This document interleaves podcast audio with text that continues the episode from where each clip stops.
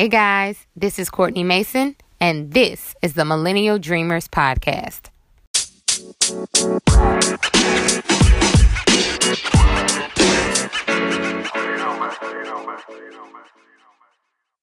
All right, Millennial Dreamers, I have told you time and time again that I'm starting an interview series. I want to profile successful millennial entrepreneurs, creatives, thought leaders, artists, anyone who is out doing what they're passionate about and turning their passion into profit. And I'm so excited that the very first guest on the Millennial Dreamers podcast is none other than Kiira Harper. Kiira is a professional dancer and choreographer who has shared the stage with some of our favorite artists from Beyonce, Janelle Monáe, Trey Songz, and Tank, just to name a few. Those are just a few of the artists. Um, she's become an influencer um, as her social following has continued to grow and supporters are flocking to her page to watch her choreography and learn from her. And she's the creator of Simply Stiletto by Kiira Harper, which is currently on tour right now. Kiira, how are you? Hey, Kourtni, how are you? Thank you for having me.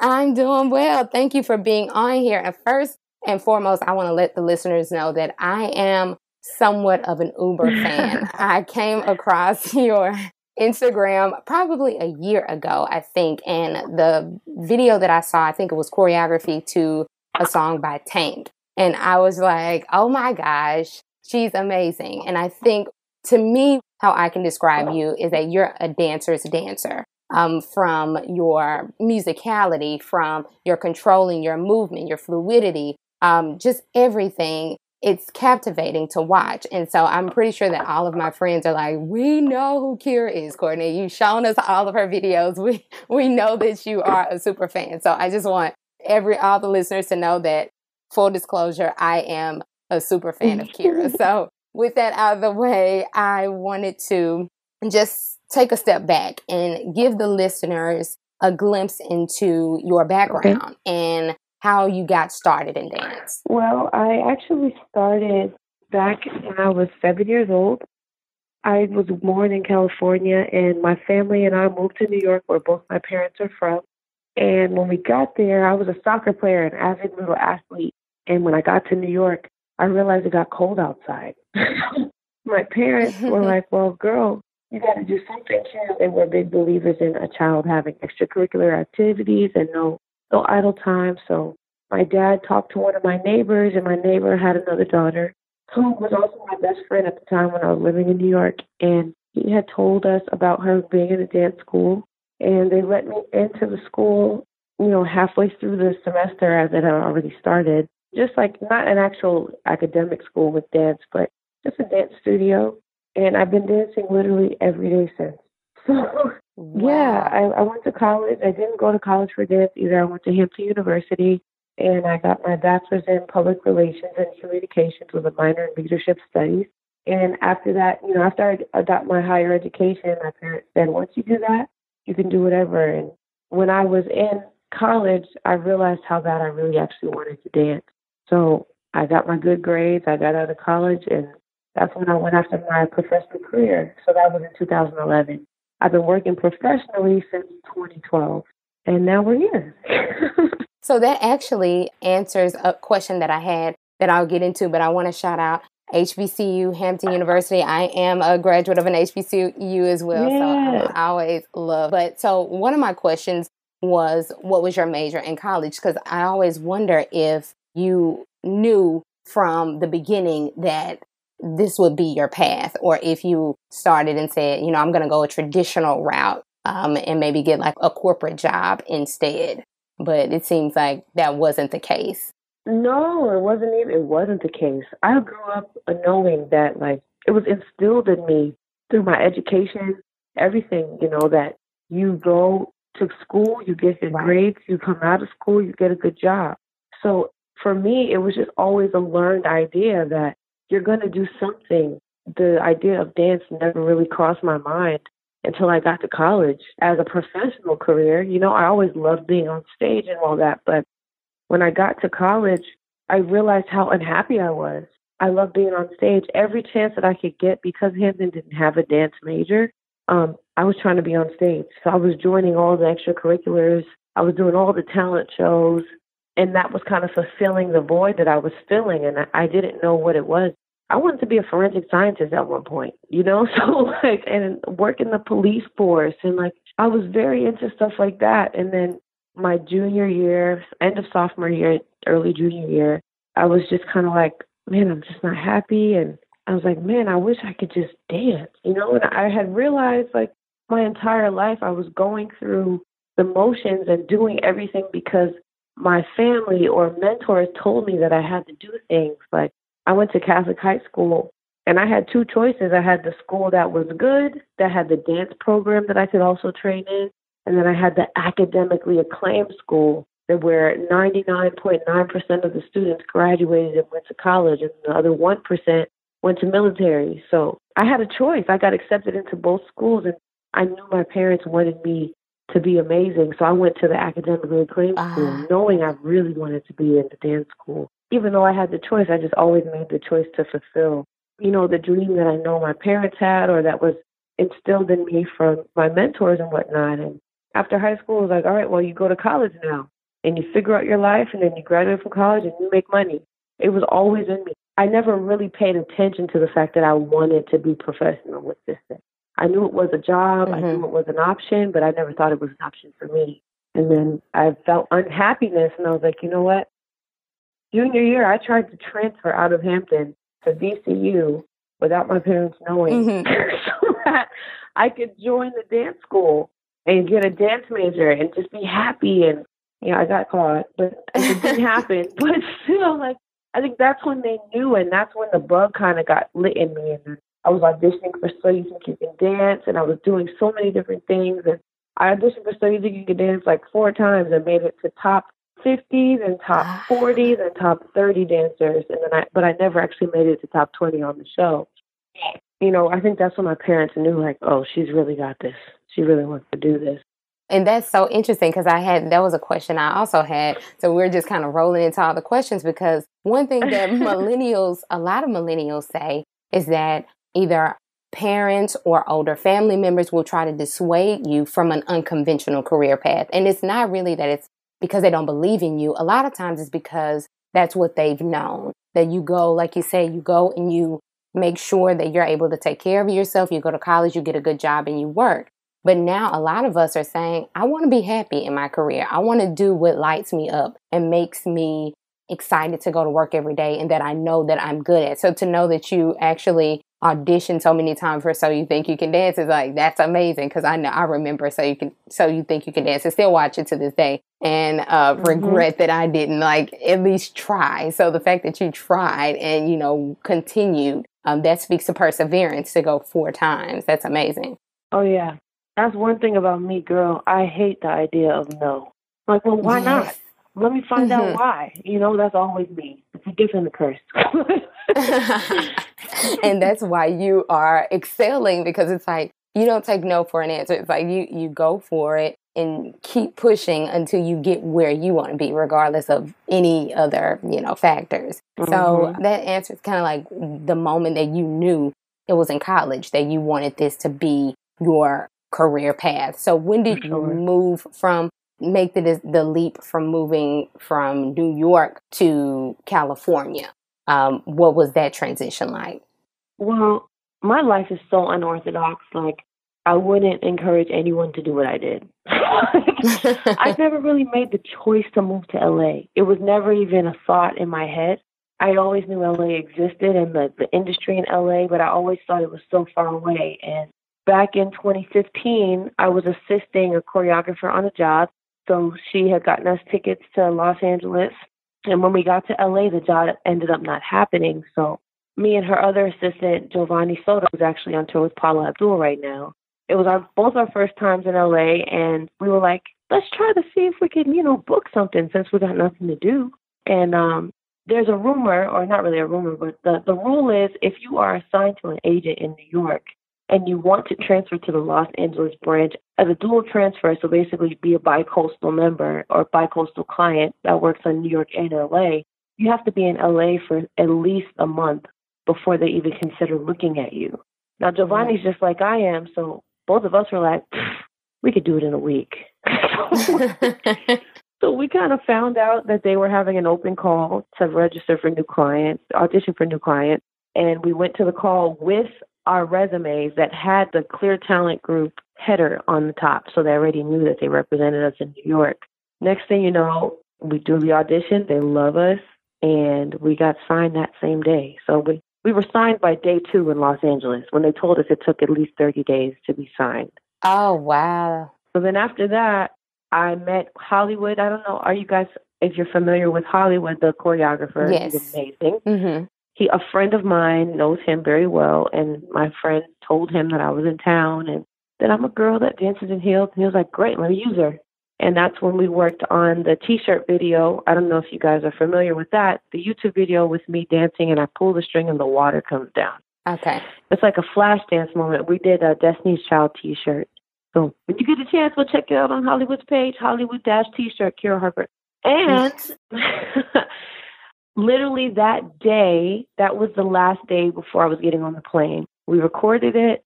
That last evening, um, Hollywood dropped the video, and I didn't even know it was out yet. And I was at a bar. I walk into the bar and I see some of the people that I know from New York who dance for B. But it didn't click in my head. I was very naive at the time. That was around the time of Super Bowl 50. And if you remember Super Bowl 50, nobody knew Beyonce was coming out. It was a surprise performance at the time. Mm-hmm. So I'm like, oh my gosh, what are you guys doing here? I'm like, oh, you know, we're just chilling because, you know, you can't really say what's going on. And I said, okay, well, great. And I walk away and I head to the airport, pack my stuff at the last minute, get to the airport, get on the plane, sit down in my seat, buckle my seatbelt, and my phone rings. and I'm like, hello? And they're like, Kiira, where are you? I'm like, on the plane. I told you I was going home tonight. And they're like, get off. Like, what? what do you mean? Oh. Apparently, my- they saw my video and they wanted me to come to rehearsal the next day for Super Bowl 50. And that's how I ended up booking the job. It was just off video and That's- word of mouth of who I was and me being in the right place at the right time. And um, I literally got off the plane. The plane story is a story in its own. I was freaking out. They had just shut the door. And um, they're like, you need to get off. My Giovanni's like, get off the plane. So I raised my hand and I'm like, excuse me, um, what do I have to say to you to get me out of here? She's like, like, well, what's wrong? to get me off She's like, now. what's wrong? I said, well, I'm just going to tell you the truth. I think I just booked Beyonce. And she's like, the stewardess is screaming. It's like, oh my God, we got to get you out of here. Open the doors. The whole plane is screaming and like clapping. And she's like, it's like a movie. Like, That is insane. yeah, and then you know I get into rehearsal the next morning.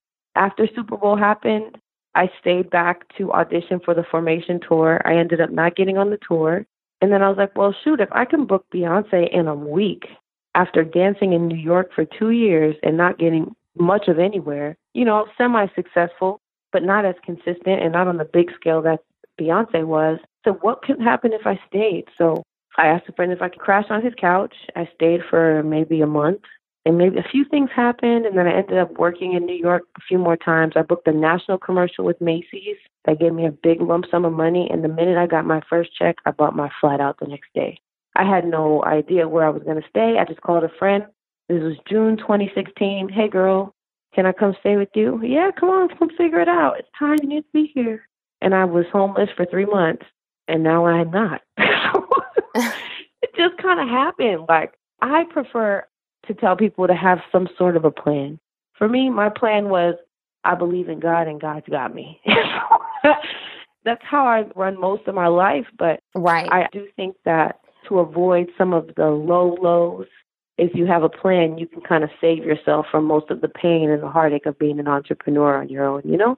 I'm sorry, that was such a long winded answer, but that's the truth. So, No, that covers a lot because within that answer, to me, that says that the stars kind of align. And then it also tells me two other things that you have to have faith also and, and realize that if you are a believer, then God's got you. Like you said, it's going to happen the way that it should happen. But then also, there's power in social media absolutely. it seems because for the video to be released and everyone sees it and it's kind of like who's this person like who's this girl she's amazing it's incredible. And it just shows that if you have the talent and you just have a little bit of ingenuity and networking within your spirit, you can really make some things happen for you and start creating your own path. Absolutely. And so, one of the questions I was going to ask is what was one of the most challenging or what has been a challenging moment being in the entertainment industry because I'm always so intrigued by the stories of people who are actually in the industry. So, what was like a challenging moment that you really experienced being in the entertainment industry and on this dance journey? Well, there's so many moments. I mean, a moment happens every three months. so it's like, yeah. you know, it's, it's hard. It's very hard because you're in an industry that has so many people. So, say there's 500,000 people all trying to be dancers, and there's only 100,000 jobs. Mm. That's just how it is you know, and that's not even accurate numbers, but just to give you kind of like a perspective. Let's say this: there's a hundred thousand dancers in the industry in LA alone, and there's 250 jobs. It's kind of like that. Mm, so it's like a mm, dog eat dog world, and most of the jobs are stapled shut because of relationships that people have built over time with the people who are actually booking the dancers. So it's more so about what I had to realize was you cannot in this industry be the type of person who waits for something to come to you. You have to learn how to create your own mm-hmm. because as a dancer, there's no sense of security in this job. You have to create your own sense of security. If you don't do that, you're sitting and you're waiting for a job to come or for an audition to come that doesn't even promise a check. And then say you book the job, sometimes you may not get a check for right. 15 days, 30 days, 45 days, 60 days, 90 days. So you could do your work for two weeks straight and not see any money for another three months. So you always have to have a backup plan. You always got to be ready to go.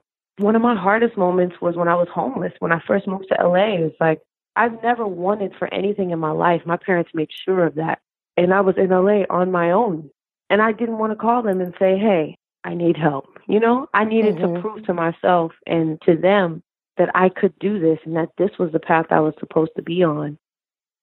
And now that it's starting to come around full circle, I've created my own lane and kept pushing. I'm always a big fan of saying, pay attention to what's in front of you, but always have a vision of the bigger picture. Mm-hmm. You always have to be aware of what you're working towards so that what you see in front of you is not the only thing you see.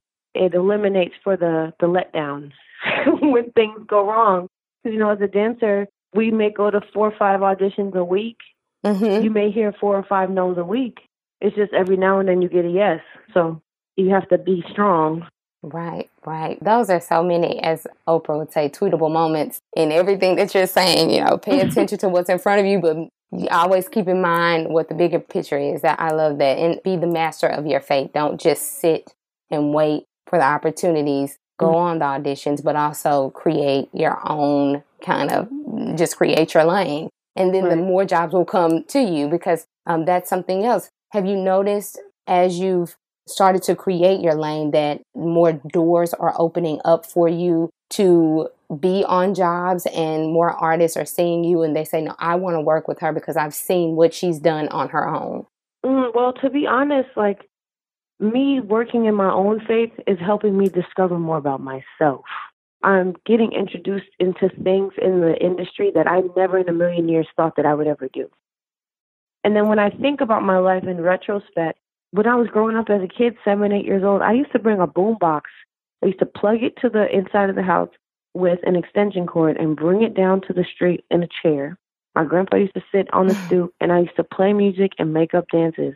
And I never really thought that that was me. You know what I mean? Like it was just something I did, but I never knew that it was in me to create. But it always has been. I've always loved to teach. I've always loved to help people. And now that I'm here living fully in my purpose, I'm realizing like this has been in me all along. I just never paid attention. Mm-hmm. I mean, I'm getting introduced into, I guess, what my purpose is in this world. And granted, yes, I'm meeting a lot of people too. Um, I've done some work behind the scenes, a lot of behind the scenes work. I've worked with Camila Cabello before um, for some of her performances for Havana okay. and for a few other songs. Um, I've worked with a few other artists that I can't say names because of paperwork. but like things mm-hmm. that I never knew that I would be able to do. Like as a dancer, you just think, oh, let me background dance and let me get hired to do this. You don't ever think of actually creating a relationship with these people and them trusting you and saying, I want to move like you. Can you teach me how to be like you? And, you know, I trust you with my life and my career. I never in my life thought that that would happen. So I think when you live in your purpose, the idea of what you think your purpose is becomes amplified and then you learn that there's more to you than you ever thought. Right. And God, or for me, it's God. For anyone else, it could be a higher power, whatever you want to call it, the universe. I really truly believe that when you are living in your purpose and purposefully aligned with the plan that you have and with your faith, God's idea of what is meant for you to happen will happen to you, and it will be way beyond what you ever imagined you were put on this earth for. So, yes, I don't have like any specifics. It's just that's my life. Every day I'm surprised. so like every day is something different. I'm like, whoa. Every right, right. Every day you're like, wow, this is beyond my wildest dreams. Mm-hmm. And you know what is for you won't miss you. It won't exactly. pass you up. What's for you is for you. So one question I had was, what would be a dream job or a dream artist to work with? You do you have anyone in particular that you would love to work with and would be quote unquote a dream job for you? Honestly, the idea of a dream job would be traveling the world. Yes. That's really what it is. Anyone that wants to give me a tour, a worldwide tour, I will jump on it. That's how I nice. feel. I don't even care who it is. Just because I know all artists are the same. You know, every artist is a human being mm-hmm. and they mm-hmm. all want to be the best product of themselves. And I think that I was put on this earth to help people see the best in themselves and help people get the best of themselves, whether that be, be by me dancing or by me teaching. I know that that's what I'm here for. So for me, my dream job would be to be on a tour. I really want to tour. I have not been given the opportunity to do so yet. I know my time is coming.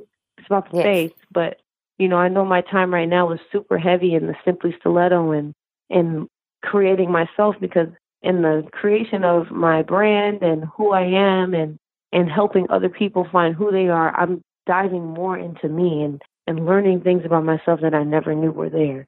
So amazing. Now that's a perfect segue into the Simply Stiletto tour. And I believe you're in Chicago right now. So what are some I, I'd like to get more information about the tour and just where are some cities that you're stopping at next? Chicago's the last stop for the summer 2018 tour. And I'm in the process of working out what we're going to do for the fall 2018. And then our next time again probably won't be until summer 2019, one more time. So, okay. yeah, we're in Chicago now. Our workshop is tomorrow at the American Rhythm Center. And it's from 12 to 5 p.m. It's a four hour workshop. So when I do come to a city near you, at least you'll know it's a four hour workshop that's really based on the dancing and the human aspect of being who you are in your professional lifestyle. Um, a lot of times, I believe that dancers try to live a dual life. I'm a human outside of the dance room, and then I'm a performer when I'm a dance when I'm in the dance room. And it's like, no, who you are as a human is who you are as a performer. And a lot of times, dancers are disconnected in their performance because they try to keep two separate lifestyles. So it's about facing your demons, facing your insecurities, and literally saying, You are part of me. I am part of you. I accept you for who you are, and I love you for what you are. You know, you say it to yourself. And then you put that into your dancing. It's a lot of tears because a lot of people have a lot of demons and things that they kind of put in their back pocket and don't want to face. For me, I'm trying to teach people that the things you go through are meant for you and they belong to you. And they're not things you go through and leave behind, but things you go through and carry on forward to help you step higher into what you're supposed to be on this earth for. And then we dance a lot too. You know, you still get the training. There's an hour of foundation and fundamentals. So you learn all the ins and outs, the lines, the shapes of being in a heel. Then we have a meditation period for 30 minutes where we kind of approach all of your issues individually and then we meditate on them and, and teach you how to turn them from your demons into your friends. And then we do a learning choreography section where I'll teach a full piece of choreo.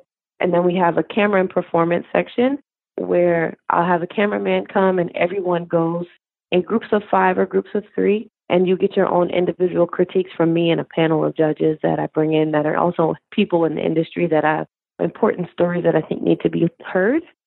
And then the last portion is an hour of, I call it Simply Human. It's my favorite part where I kind of just open the floor and the dancers talk and they just let out any and everything that they possibly can, you know.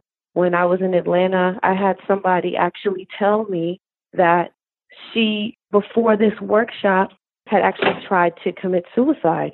And this workshop kind of saved her and helped her see exactly who she was and why she belonged. And she would never try to do that ever again, you know? So I think it's a major, major thing.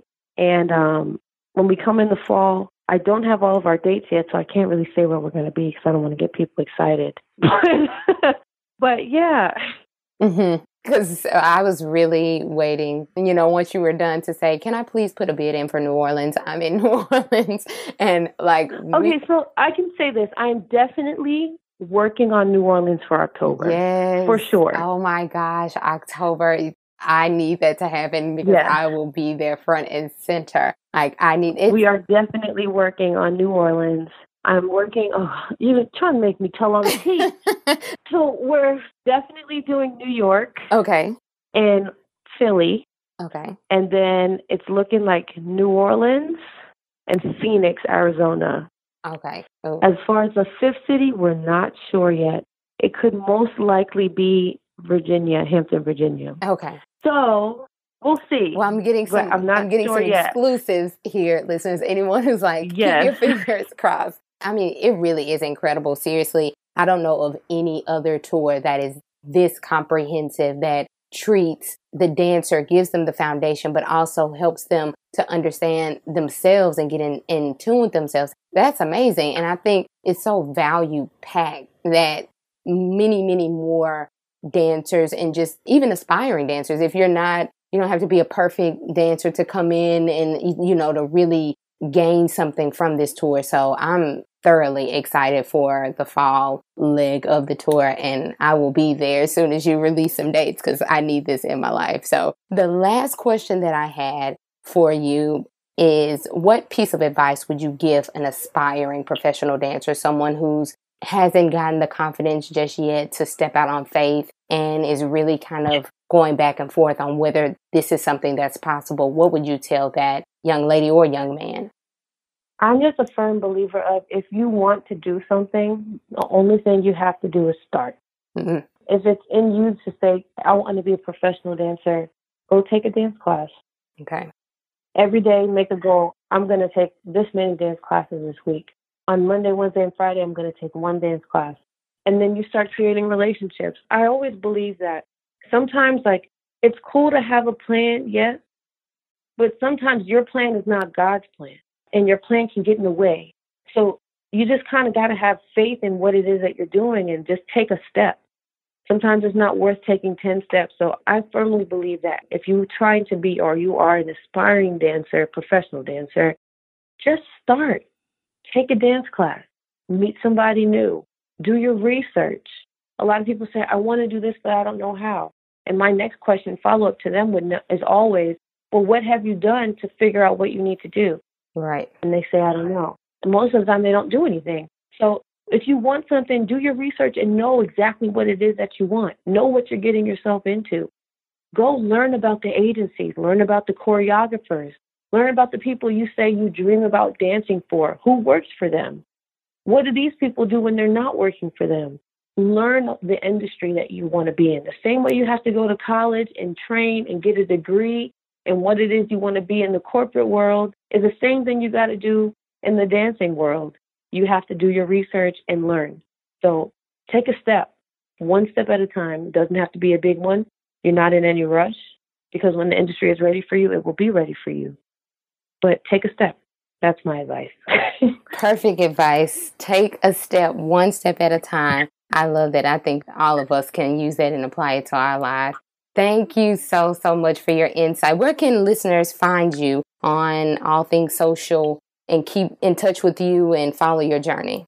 Well, I mainly operate through Instagram. I keep Facebook for my family so they can okay. have their own little tabs on me. But my Instagram page is K I I R A M H A R P E R. So at Kiira M Harper. Not Kiram. People like to call me Kiram. Kiira M. M is my middle initial. So Kiira M. Harper. Yeah, like not yes, Kiram. Kiira. Well, well, I thank you so much for your time. It really has been an invaluable interview. I know so many people will be inspired by it and will take nuggets of wisdom for it. So thank you again for your time, Kiira. Thank you for having me. I appreciate it. And you take care. All right. Thanks, Kourtni. Thank you.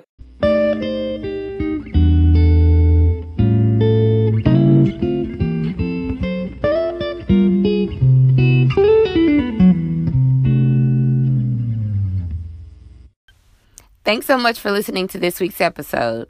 If you have any ideas you'd like me to discuss on the podcast, send me an email to millennialdreamerspodcast at gmail.com. Again, that's Millennial Dreamers Podcast at gmail.com. I look forward to hearing from you. Oh, and hit the subscribe button. Talk soon. Peace. The podcast you just heard was made using Anchor. Ever thought about making your own podcast? Anchor makes it really easy for anyone to get started. It's a one stop shop for recording, hosting, and distributing podcasts. Best of all, it's 100% free. Sign up now at anchor.fm slash new. That's anchor.fm slash new to get started.